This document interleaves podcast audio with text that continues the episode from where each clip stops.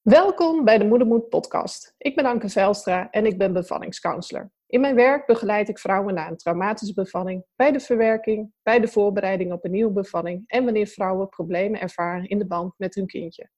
In deze podcast deel ik de naakte waarheid over zwanger zijn en bevallen. En vandaag heb ik de eer om vroedvrouw Margot te mogen interviewen. Ik volg haar al een poosje via Instagram en haar holistische manier waarop zij naar zwangerschap en bevallen kijkt en daarover deelt, spreekt me enorm aan. Dus een paar weken geleden trok ik de stoute schoenen aan en vroeg ik of ik haar mocht interviewen voor de Moedermoed podcast. Daar reageerde ze super enthousiast op en we hebben gelijk een datum gepland. Ik wens je heel veel luisterplezier. Hallo Margot, welkom in deze podcast. En uh, wat fijn dat ik je vandaag mag interviewen over het mooie werk dat je doet als vroedvrouw. Ja, hoi, dankjewel. Hey. Uh, het is altijd even wennen, even opstarten, hè? Ja, helemaal goed. Ja. Hey, misschien zou je eerst even kort kunnen voorstellen voor uh, de luisteraars, zodat ze je een beetje kunnen leren kennen. Ja, ik ben Margot en ik werk als vroedvrouw. In, mijn praktijk is in Zeist en ik werk eigenlijk wel in een veel groter gebied, nou ja, regio Utrecht, zeg maar. Ja. Um, in 2013 ben ik afgestudeerd en ben ik uh, aan de slag gegaan als uh, verloskundige. En verder, ja, woon ik in een heel leuk plekje in het bos, verstopt in Amersfoort in de buurt. ik zie wel eens foto's Dat, voorbij ja. komen, ja. heel leuk plekje, ja. Ja. En ja, dat, kijk. Ja. Kort over mezelf. Ja, hey, je bent vroedvrouw. Je zei net ook al verloskundige. Gaan we het zo meteen nog wel even over hebben. Ehm, hoe ben je eigenlijk tot de keuze gekomen voor dit werk? Uh, wist je dat al van jongs af aan van ik ga dit werk doen? Of kwam dat pas later? Ja, ik wist... Uh, nee, ik wist het niet vanaf jongs af aan. Er zijn heel veel mensen die dat wel hebben. Dat had ik echt niet. Ik had geen idee. Ik wist niet eens wat de verloskundige was. voor heel lang. En uh, ik wilde eigenlijk arts worden. En toen werd ik uitgeloot van de studie uh, geneeskunde. En toen uh, ging ik naar het buitenland voor een tijdje. En toen kwam ik terug en toen zei een vriendin tegen mij... Ik heb een opleiding gezien, dat is echt, lijkt me echt iets voor jou. Dus toen dacht ik, nou prima, ik ga wel kijken. Ja. En dat was de Verloskunde Academie. En toen was ik daar, toen dacht ik, ja, dit is het. Ja. Een combinatie van wel ook een medisch stukje, want daar was ik dan ook wel naar op zoek. Mm nou ja, inmiddels weet ik dat het maar een heel klein stukje van mijn werk is. Maar goed, toen, toen nog niet. Toen was dus het, medische deel, ja, toen was dat nog wel echt heel belangrijk. Het medische deel sprak me heel erg aan, maar ook wel uh, het stuk dat je ja, één op één uh, zorg biedt. En uh, als het goed is, dat je je cliënten leert kennen. Mm En dat heb je als arts natuurlijk veel minder. Ja. Dus dat, dat sprak me eigenlijk vooral ook heel erg aan. ja. ja. ja. Nou, toen ben je de studie gaan doen en uh, na je studie ben je gaan werken in verschillende verloskundepraktijken. En hoe heb je deze tijd eigenlijk ervaren?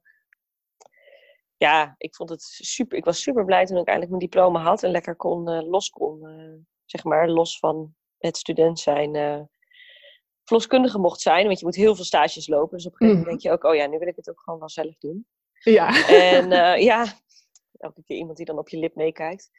En uh, ja, dus ik werkte inderdaad bij verschillende praktijken. En dan bij één praktijk uh, in Amersfoort, heb ik, uh, daar werkte ik eigenlijk het meeste. Daar, daar zat ik ook gewoon het fijnst. Mm -hmm. Dus het was een praktijk die echt wel heel fysiologisch dachten. Dus heel erg pro een, een gewone bevalling en best wel kleinschalig.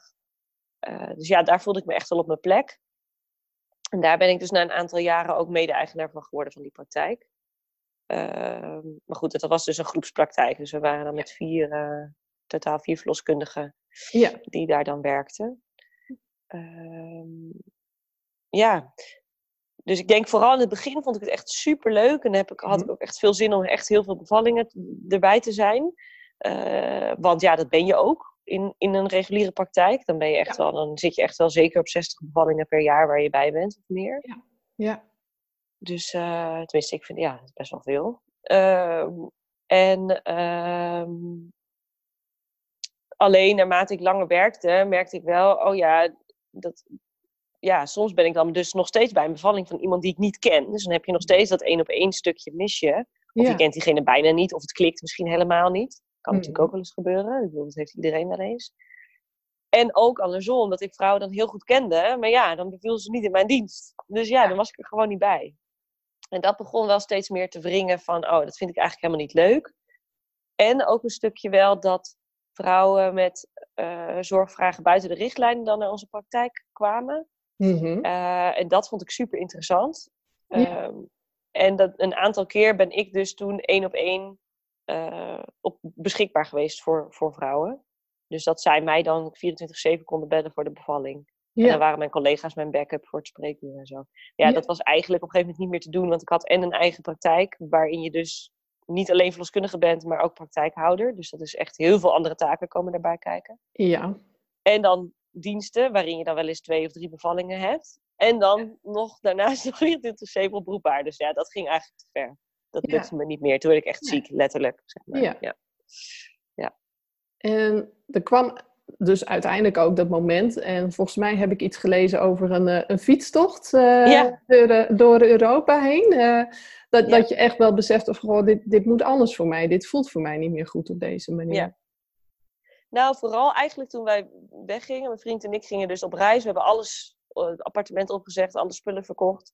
Mijn vriend is Canadees, dus we wisten ook niet of we wel naar Nederland terug zouden gaan. Of misschien naar Canada zouden gaan na de reis. We Ja. hadden gewoon alles achtergelaten. Er stonden alleen een paar verhuisdozen bij mijn ouders. Dat was het. Met een paar Zo. spulletjes. En toen gingen we op reis. En ik dacht, ik word gewoon nooit meer verloskundige. Ik doe het gewoon niet meer. Het is gewoon niet te doen, dit werk. Hoe ik het wil, dat is niet mogelijk of zo. Dat, Nee. dat, daar zat ik heel erg in vast. En ik dacht, nou, anders word ik wel doula. Ik had inmiddels ook een doula-opleiding al gedaan. Mhm. Eh, en daar voelde ik me heel erg thuis en verbonden met vrouwen die ja, heel erg hetzelfde erover dachten als ik. Maar ook een soort hele warme groep vrouwen. Wat ik bij verloskundigen heel vaak onderling voelde, was toch een soort competitiedrang. Nou ja, dat is denk ik bij heel veel vrouwen onderling. En bij de doula's vond ik dat niet. En op die reis toen dacht ik ineens, oh ja, ja, of ligt het niet per se aan het vak verloskunde, maar meer hoe ik het heb ingericht. Mhm. En toen eh, kwam ik een eh, stel tegen, die, eh, zij was zwanger. En daar hebben we een stukje mee op, op, opgetrokken. En eh, die appte mij later, ja, wil jij er niet bij zijn in januari als ik ga bevallen? Oh Toen jee. dacht ik, oké, chips, daar moet ik toch echt gaan nadenken wat ik wil. Ja, ja, Dus toen uiteindelijk terugkwamen naar Nederland, toen dacht ik, nou, ik ga het gewoon doen. ja. Ja, En dus toen toen, eh, is van het een het ander Ja. geko- Ja. gekomen, zeg maar. Ja. Ja. Ja. Wat bijzonder eigenlijk. Ja. Ja. ja, En- heel tof. Dat is inmiddels al best wel uitgegroeid, eh, begrijp ik. Hè? Eh, je doet er ook nog allemaal dingen omheen. Eh, niet alleen het verloskundewerk, maar ook, ja, je, je bent breder in je begeleiding, zeg maar, die je kunt bieden. Ja. Maar wat ik eigenlijk ook wel opvallend vond, was ehm, dat je jezelf vroedvrouw noemt. eh, In Hmm. plaats van verloskundige. Wat, wat maakte voor jou deze keuze? Nou, ik denk ergens ook een stukje dat ik zelf het woord verloskundige los wilde laten, omdat ik het ook heel erg koppelde aan de tijd hoe ik werkte, zeg Oh ja. maar, waarin ik in een groepspraktijk werkte, eh, wat ik dus absoluut niet afkeur, want ik bedoel, ik heb zelf ook zo gewerkt en ook met plezier. Alleen Mhm. voor mij als persoon werkte dat niet. Dus dat stukje had ik echt behoefte om los te laten. En het woord vond ik altijd gewoon al een stom woord. Want ik bedoel, niemand hoeft verlost te worden van haar kind. En eh, als Nou, er iemand eh. kundig is, zeg maar, dan ben ik niet dat, maar dan is de moeder nog toch wel kundig over haar Ja. eigen lichaam. Ja, Dus dat woord klopte voor mij gewoon eigenlijk van alle kanten niet. En vroedvrouw is eigenlijk het oude, oud-Nederlandse woord. ja, En betekent wijze vrouw. Nou goed, ik wil niet, durf niet te zeggen dat ik nou per se superwijs ben. Maar ik denk wel, in bepaalde dingen weet ik natuurlijk wel over mijn vak. Ja, ja. Dus die, eh, dat stukje wijsheid dan. Ja, nou ik wilde net zeggen, eh, nou soms wil je als moeder van een, eh, een puberende peuter eh dreunen. Ja, dan ja misschien moet je even daar verloskundige voor hebben. Ja, Ja, ja, ja. Maar niet volgens mij van, eh, van een baby waar je negen Nee. maanden naar, eh, naar uit hebt gekeken. nee, precies. Hey, en dat is ook wel een dingetje hoor. En eh, dat komt zo bij me op. Ehm, hè, we, het is daar allemaal op ingericht. We noemen het verloskamers, eh verloskundigen. Het, het zit zo in, in de woordkeuzes ook. En waar ik me eigenlijk ook wel heel erg over heb verbaasd, is: ehm, ik, ik ben best wel veel in het ziekenhuis geweest bij mijn eh, eh, tweede zwangerschap en na de bevalling en zo hoe er over vrouwen werd gesproken. Eh, niet alsof het een, een vrouw was die daar lag te bevallen, maar een eh, niet vorderende ontsluiting of eh, een spuitertje in vier, weet je wel. Het werd benoemd met termen. Het ging niet meer over een persoon. Ik vond dat toch wel echt heel bizar eigenlijk. Heb jij dat ook zo ervaren? Nou, ik denk dat dat komt als je iemand niet kent. Dan kom je daar eigenlijk toch wel snel in terecht. In, in, niet in, ja, dus die medische termen inderdaad. Maar het, het raakt je uh, zelf als mens ook niet. Zeg maar. Als je bij een bevalling bent van iemand die je niet kent. Mhm. Ik bedoel, het is heus wel leuk en het is heus wel een bijzonder moment. Mhm. Maar het raakt, dat zou mij als persoon raakte mij dat niet zo. Terwijl nu, als ik met iemand een band op heb gebouwd. Eh, en dat hele, hè, je bent die hele negen maanden samen door, door- doorgegaan, of tenminste samen. Ik ben daarbij ge- geweest ook delen. Ja. Dan, dan, en die baby wordt geboren, dan, dan raakt het mij echt heel erg ook. Ja. Dus ik denk dat daar echt wel een verschil in zit. Als je iemand niet kent, dan kun je daar heel makkelijk over, dan stap je daar heel makkelijk overheen. Ja. Ja. Dan is het gewoon werk, as usual. En ook een stukje zelfbescherming waarschijnlijk, omdat het gewoon ook wel dan echt heel hard werken is. Het is echt een zware baan met je nachten en noem maar op. Dus ja, dus misschien zit dat er dan ook een stukje in, ik weet het niet. Nee, Ja, het he- ik denk ook niet dat alle zorgverleners dat doen.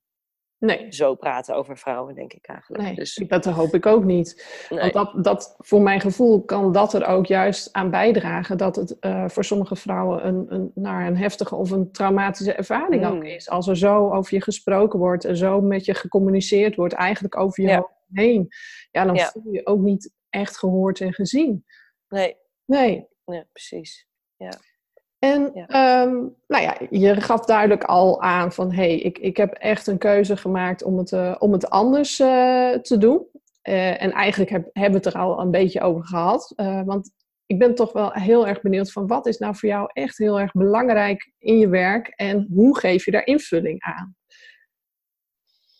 Ja, tijd. Tijd is eigenlijk het belangrijkst. Dus de tijd hebben om, eh, om een vrouw en haar partner te leren kennen. Mhm. Eh, omdat ik denk dat dat essentieel is voor hè, zowel die negen maanden, de dingen die mensen daarin tegenkomen. Want ja, vaak eh, schudt een zwangerschap alles los. Ja. En komen, zeg maar, komt alles op tafel en gaan, gaan mensen vaak kijken van ja, wat, hoe, hoe wil ik dat mijn leven eruit ziet met een kind? En bij een eerste is dat vaak nog in best wel praktische zin. Hè? Dus dan worden huizen verbouwd, eh, verhuisd, et cetera. En bij een tweede is dat vaak wat meer ook emotioneel, mentaal. Van hoe ga ik dat Ja. vormgeven? En eh, hoe wil ik als moeder zijn of als vader zijn? Mhm. En dat daarbij zijn, ja, voor mij daarbij aanwezig zijn. Ik, pas zelf altijd een beetje op met het woord begeleiden voor mij. Want begeleiden voelt altijd een beetje alsof ik het wel weet en het dan voorloop of zo. Mhm. Dat is meer een associatie die ik dan heb. Maar daar, ja, dat ik daarbij aanwezig ben en dat ik, dat ik ze dan ken, echt ken. Ja, dat, Ja. dat is voor mij essentieel. En bij de bevalling helemaal. En we weten ook, er zijn heel veel onderzoeken gedaan. Vrouwen die een vroedvrouw bij een bevalling hebben die ze kennen, die bevallen gewoon beter. Of een doula kan ook, hè? Iemand die Ja. daar continu aanwezig is, die je kent. Ja. Ja. daar ga je gewoon echt beter van baren. ja. En dat is dat eigenlijk is wat jij ook probeert te bieden in jouw werk. Ja, ja. ja. Ja. Ja, ja, ja. En nou ben ik wel benieuwd, wat voor soort vrouwen zoekt nou eigenlijk jouw begeleiding? Eh, is dat, Ja. kun, je, kun je ze, eh, ja, het klinkt een beetje gek, maar welke overeenkomsten zijn er tussen deze vrouwen? Zijn het bijvoorbeeld vrouwen die al een eerdere nare ervaring hebben gehad? Of, ja, die. Ja, Dus die een eerdere nadere ervaring hebben gehad met name. En, en dat ze echt autonoom willen zijn bij de tweede, de tweede keer. ja, Dus echt iemand willen die hun keuzes respecteert.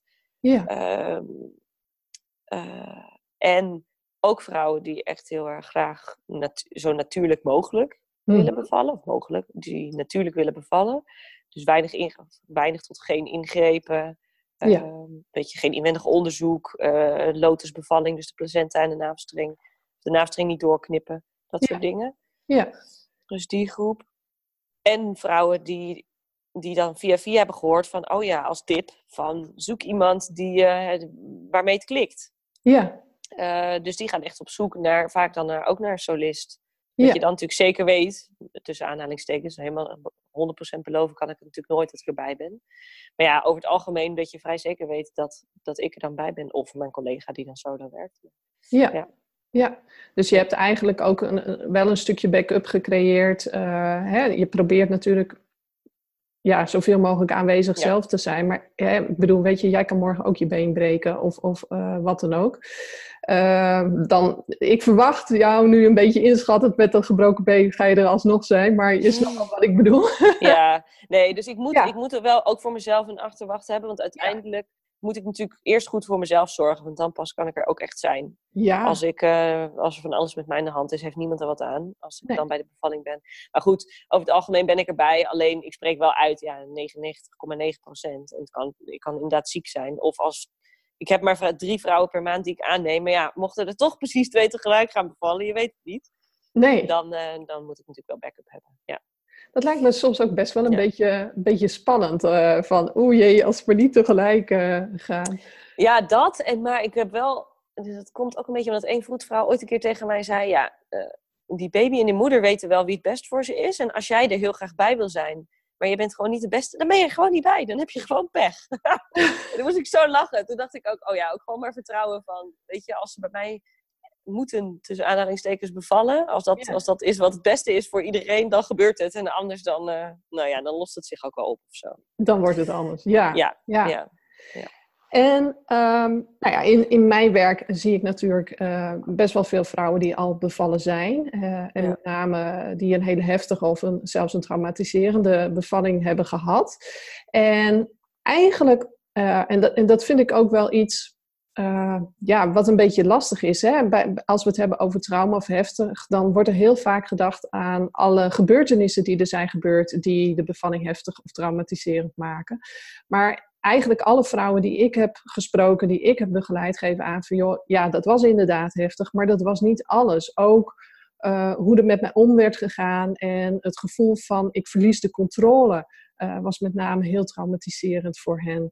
Uh, hoe, hoe kijk jij daar eigenlijk tegenaan? Ja, ik heb die ervaring zeker ook zeg, van vrouwen die getraumatiseerd zijn. Dat het helemaal niet. Het kan bij wijze van spreken op medisch papier een prachtige bevalling zijn geweest, maar toch traumatiserend zijn geweest. En het gaat denk ik zeker over niet meegenomen worden, dus niet de regie meer hebben. Mhm. En ik was dan een tijdje terug een artikel in de krant. Ik vond het artikel niet zo fijn, maar ik vond één zin echt super mooi. Je kunt je bevalling niet regisseren, maar je kan wel de regie houden. Ja. Dat vond ik echt precies tot de kern komen. Want weet je, er kunnen altijd onverwachte dingen gebeuren. Je kan het niet plannen. Ja. Alleen je kunt wel als vrouw ten alle tijden de regie houden. Daar geloof ik echt in. Ook in een spoedsituatie.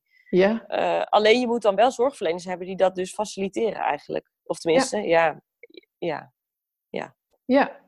Nou ja, want dat is natuurlijk de andere kant van het verhaal. En die ken ik zelf heel erg goed. Uh, hè, ik heb op papier een, een, een rampzalige bevalling gehad. Echt, uh, zou een mega trauma moeten zijn. Um, hè, ik, ik, ik, kreeg een geplande keizersnede vanwege een placenta previa. Eh, toen mijn zoon eruit was, bleek ik ook nog een, een placenta increta te hebben. Dat houdt in dat de placenta helemaal vastgegroeid zit in je baarmoeder. Ik begon te bloeden. Ik heb uiteindelijk 5,5 liter bloed verloren. Uh, ik heb 28 uur in slaap op de IC gelegen. Nou ja, daarna zijn er nog heel veel dingen gebeurd. Ik ben onder andere mijn baarmoeder kwijtgeraakt. Ik heb longembolie gehad. Dus op papier, trauma. Maar ik heb het er nooit getraumatiseerd doorgevoeld. Nee. Um, omdat ik uh, een plan klaar had waar ik voor mijn gevoel, zelfs toen ik aan de beademing op de IC lag, wel de regie hield. Ik had donormoedermelk geregeld. Ik had precies gezegd uh, tegen mijn man en vriendin die aanwezig waren van um, wat is wat is voor mij belangrijk? Ik wil eerst dat al deze stappen gezet worden voordat ze besluiten om mijn baarmoeder eruit te halen. Want dat wordt heel snel besloten als iemand zo heftig bloedt. Ja. Het is allemaal nageleefd. Ik wilde niet dat mijn kindje gewassen werd. Uh, het liefst ook nog niet aangekleed. Maar ja, goed, het duurde wel erg lang. Uh, dus op een gegeven moment moest hij wel wat kleren aan. Mijn man heeft het eerste uur gebuideld. Echt ja, weet je, het is niet iets leuks uh, om zo je bevalling te moeten voorbereiden en ook na te moeten denken dat er zo'n noodscenario kan gebeuren. Ja. Uh, maar toen het gebeurde en, en, hoe ik er nu op terugkijk, is hartstikke positief. Want ja. het is precies gegaan zoals ik het wilde. Dus ik had toch nog wel de regie, ook al was ik niet bij bewustzijn. Ja, ja en dat, het, dat maakt wel dat je er ook heel goed uh, op terug kan kijken. En dat je gehoord hebt gevoeld en gezien hebt gevoeld en gedragen bent door je zorgverleners. Ja. Ja. Dus dat... ja, dan is het dus niet alleen uh, het stukje de regie houden, maar ook het stukje natuurlijk daarvoor dus voorbereiden op. Ja. Is dan dus ook essentieel. En dat is natuurlijk soms ook waar het denk ik dan, uh, ja, mis wil ik het niet, niet noemen, maar waar het dan, waar soms overheen wordt gegaan. Ja. Uh, dus ik snap het wel, hè, dat als je pro-natuurlijke bevalling bent, dat je, dan, dat je dan misschien niet over een keizersnee wil praten. Maar ik denk wel dat het essentieel is om alle scenario's even uh, aan te stippen. Gewoon even van het kan gebeuren en niet uit een soort van, uh, weet je wel, uh, je moet een bangmakerij. Maar meer zo van, als het gebeurt, wat wil je dan? Ja. Dus het is inderdaad in die zin twee dingen. Je moet dan dus ook weten wat de scenario's zouden kunnen zijn, om dan dus de regie te houden. Ja, en ook wat, wat, wat je keuzes en je opties zijn. En je opties, ja, precies. Want die zijn er ook zeker. Ja. En ja. als je die goed kent, kun je ook gefundeerde keuzes maken. Ja, um, en vanuit vanuit mijn werk als, als counselor um, weet ik dus ook dat als je een keuze moet maken in een spoedsituatie uh, over hoe je het dan nog wilt, kun je die vaak ook niet goed maken. Nee. Dat de stress bepaalde hersengedeeltes uh, onderdrukt, waardoor je niet meer goed rationeel kunt denken. Dus ja. dan ga je een beslissing maken op, gebaseerd op stress. Ja. Uh, waar je later misschien met een heel vervelend gevoel op terug kunt kijken. Dus ja. dan is het gewoon veel beter om vanuit die ontspanning eigenlijk alles na te denken van, nou ja, oké, okay, ik, ik ga voor dit, maar goed, ik weet in mijn achterhoofd dat er altijd een kleine kans is dat het ook zo zou kunnen gaan. Wat Ja. is dan nog voor mij belangrijk en welke opties heb ik daarin? Ja. Uh, dan blijkt er vaak toch wel veel meer mogelijk te zijn uh, dan we denken. ja, Ja, ja, zeker. Ja. Hè, en Ja. Ja, ik vond het zelf ook wel heel verdrietig. En ik, ik hè, mijn eerste bevalling was ook heel traumatisch. En daar zat het dus echt op dat stukje controleverlies en hoe er met me om werd gegaan. Uh, dus ik ging eigenlijk de tweede zwangerschap in van ik wil gewoon geplande keizersnee. Ik ga dit echt nooit weer doen. Ik wil dit. Maar hoe meer ik mij ging voorbereiden en ging inlezen en, en erachter kwam welke keuzes en opties ik had, hoe uh, uh, ja, beter ik me eigenlijk begon te voelen. Dus op een gegeven moment had ik zoiets van, nou, ik wil gewoon vaginaal weer gaan bevallen. Niks keizersnee. En uiteindelijk werd het ook nog van, waarom wil ik eigenlijk, waarom in het ziekenhuis? Ik wil gewoon thuis bevallen. Ik wil gewoon geen gesodemieter om me heen, om het zo maar te zeggen. Ik wil gewoon in mijn eigen bubbeltje kunnen zijn, in bad misschien. Dus eigenlijk van, doe mij maar een keizersnee op bestelling, ging ik naar, ik wil het gewoon helemaal weer zelf doen. Ja, toen, Ja. Was, toen was het wel even slikken dat het uiteindelijk toch een geplande keizersnee ging worden, omdat die placenta voor de uitgang Ja, lag. nee, ja, dan houdt het gewoon op. Ja, dan houdt het op. Ja, Ja. ja, ja. Ehm, Ja. We hadden het er net ook al eventjes over. Ehm, er zijn steeds meer zwangere vrouwen die wensen hebben die buiten de richtlijnen en protocollen vallen. En Ja. waar komt dat volgens jou vandaan en hoe ga jij daarmee om? Ik denk dat het er vandaan komt dat er ook steeds meer richtlijnen en protocollen zijn. dus ja, Ja. Steeds, steeds meer mensen vallen dan ineens naar buiten. Want ineens Ja. is er dan een richtlijn. Dus er zijn echt al heel veel richtlijnen en protocollen. Ehm, en ik denk ook dus heel erg omdat er steeds meer vrouwen zijn die echt zelf de regie willen eh, hebben en houden. En vanuit Mhm. vertrouwen denken. Dus dan kun je bepaalde protocollen zijn, die zijn er. Uh, en die zijn altijd wel altijd gebaseerd, die zijn niet altijd gebaseerd op de beste onderzoeken. Hè. Iets van een derde wat we doen is echt wetenschappelijk uh, onderbouwd. Dus een deel is ook niet eens echt heel krachtig onderbouwd. Nee. En dan nog, wat wetenschappelijk onderbouwd is, gaat natuurlijk altijd over een groep vrouwen. Was dit het beste voor? Maar ja, weet jij veel of jij in die groep zou vallen? Nee. Als jij in dat onderzoek had gezeten. Dus ik denk steeds meer vrouwen die zich echt heel goed in, inlezen. Ook.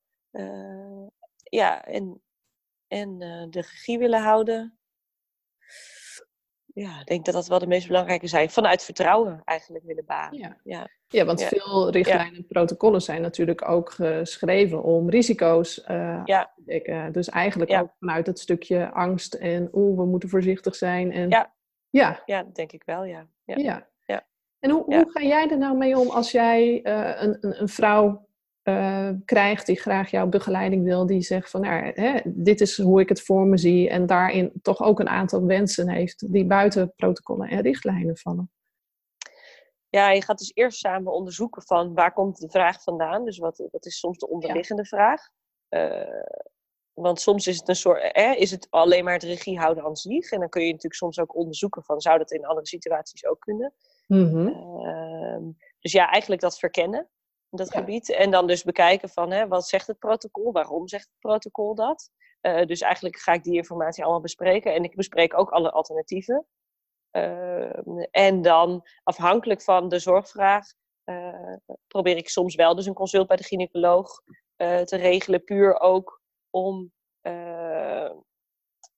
ja, om, om ook te kijken wat daar dus nog meer mogelijk is. Want soms wil iemand thuis die eigenlijk een klinische bevalling uh, krijgt mhm. geadviseerd van het protocol, maar kan polyklinisch ook. En dan heb je dan een mooie tussenweg bijvoorbeeld, dat kan. Als de vrouw dat zou willen, hè? maar je gaat eigenlijk een beetje dat hele veld ontdekken. En het helpt voor mij ook als, een, als iemand bij de gynaecoloog op consult is geweest, dat ik weet, oh ja, de vrouw heeft echt alle informatie gehad. De mhm. keuze die ze maakt is nu gefundeerd. Eh, en niet omdat ze denkt van, oh ja, als ik dit doe, dan heeft mijn kind een hoger IQ of weet ik veel. Nee. Dus zeg maar dat je echt voelt van, ja, Ze, ze, draagt, ze, draagt, ze draagt haar keuze. En de mhm. partner natuurlijk ook. En dat is dus wel essentieel, want er moet wel een vertrouwensband in die zin ontstaan dat ik ook kan voelen van ja, ze dragen het echt zelf.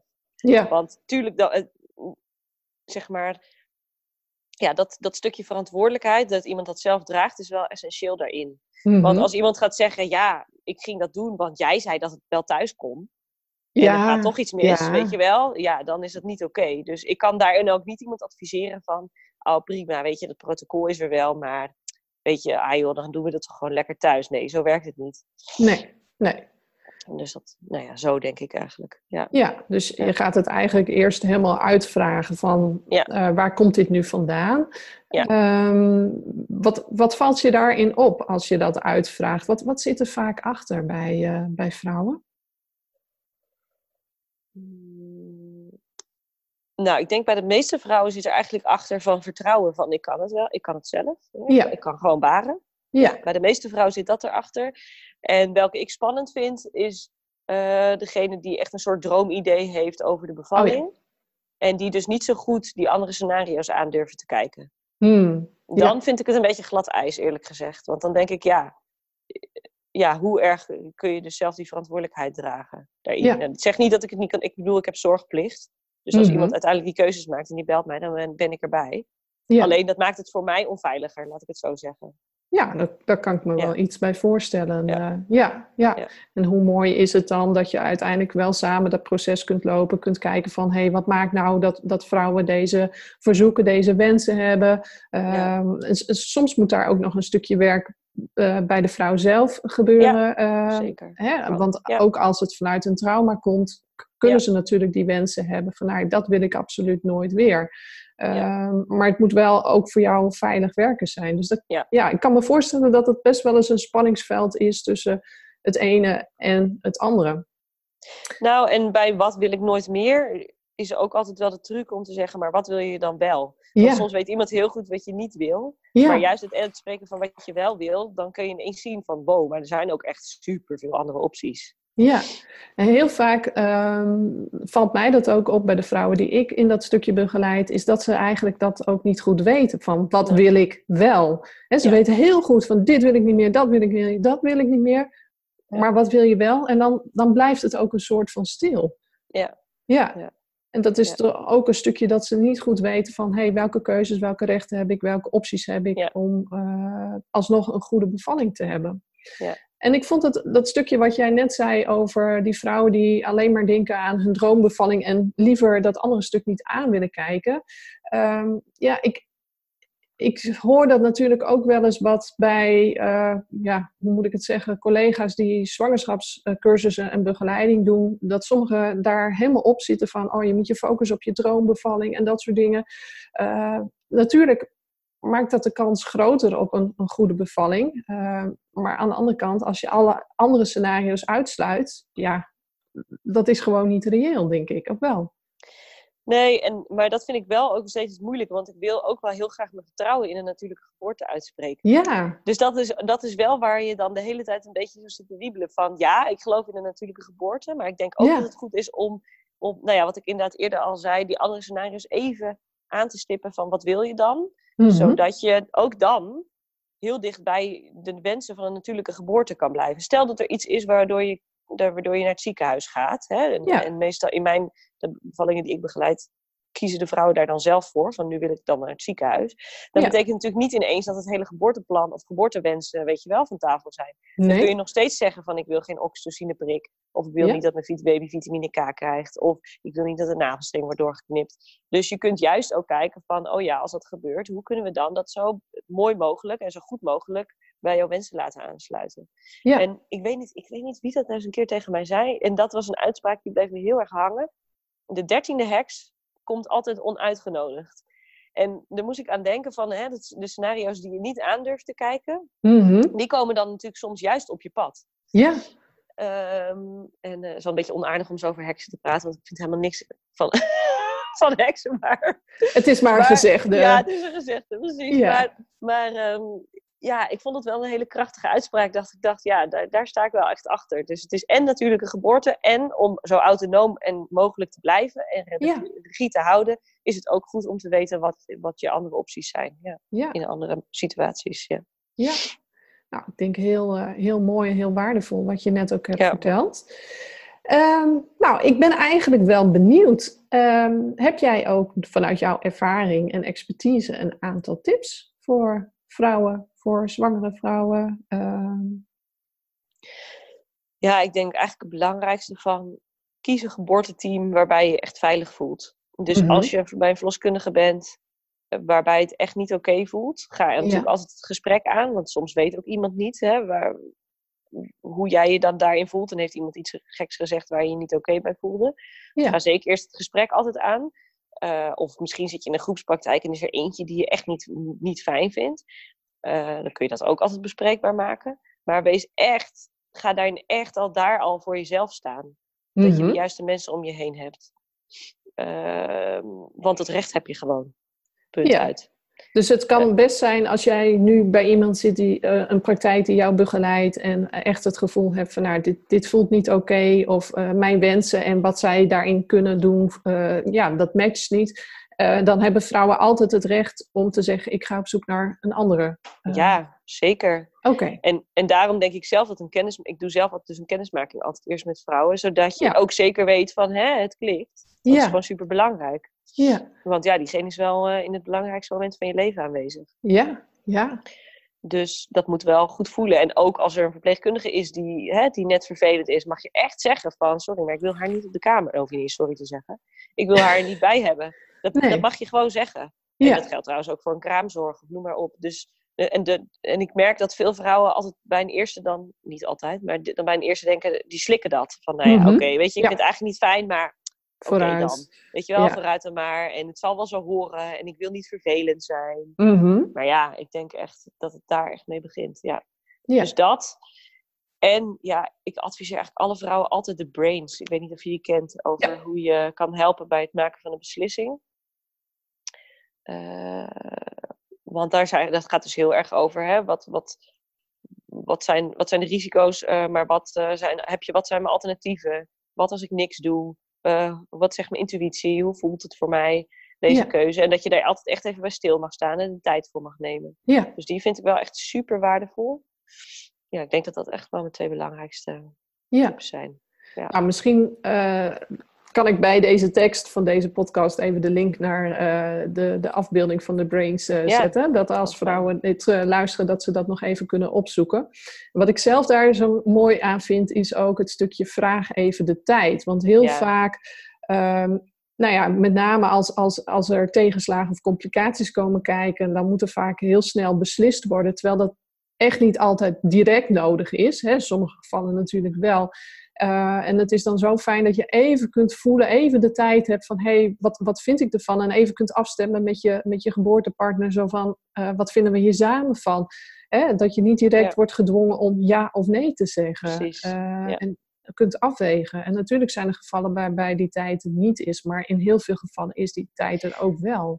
Hij, hij is er, de, de lengte van de tijd kan wisselen, zeg maar. Maar ik denk dat de tijd er altijd is. Zelfs een tijdje terug had ik een thuisbevalling met, waarin iemand echt wel ruim bloed verloor. En zelfs Ja. daar ervaarde ik van, oh ja, we hebben echt even tijd. Ik besprak de opties en had ze echt even tijd om daarover na te denken. En tuurlijk, weet je, dan ga je geen tien minuten daarvoor Nee. nemen. Maar Nee. al is het even één minuut, is Ja. soms al genoeg om, om, om daar even iets, eh, ja, iets over te kunnen zeggen. Zeker. En je weet dan vaak ook gelijk als je zegt, mag ik er tien minuten over nadenken? En de zorgverlener zegt, oké, goed. Dan weet je dus ook gelijk dat het niet zo acuut is. Nee. Dus het geeft je ook veel informatie. Ja, Ja, ja. zeker. Ja, Ja, ik vind het wel mooi dat je dat zegt, want ehm, hè, ik zie natuurlijk veel vrouwen bij wie er spoed was en het direct gehandeld werd en waarbij ze eigenlijk ook niet geïnformeerd werden, waarbij er soms gewoon zo gehandeld werd. Eh, Nou ja, dat is natuurlijk heel stressvol om zoiets te, te ervaren. En dan wordt er vaak teruggegeven als ze dat in- het nagesprek bespreken van, ja, maar er was geen tijd.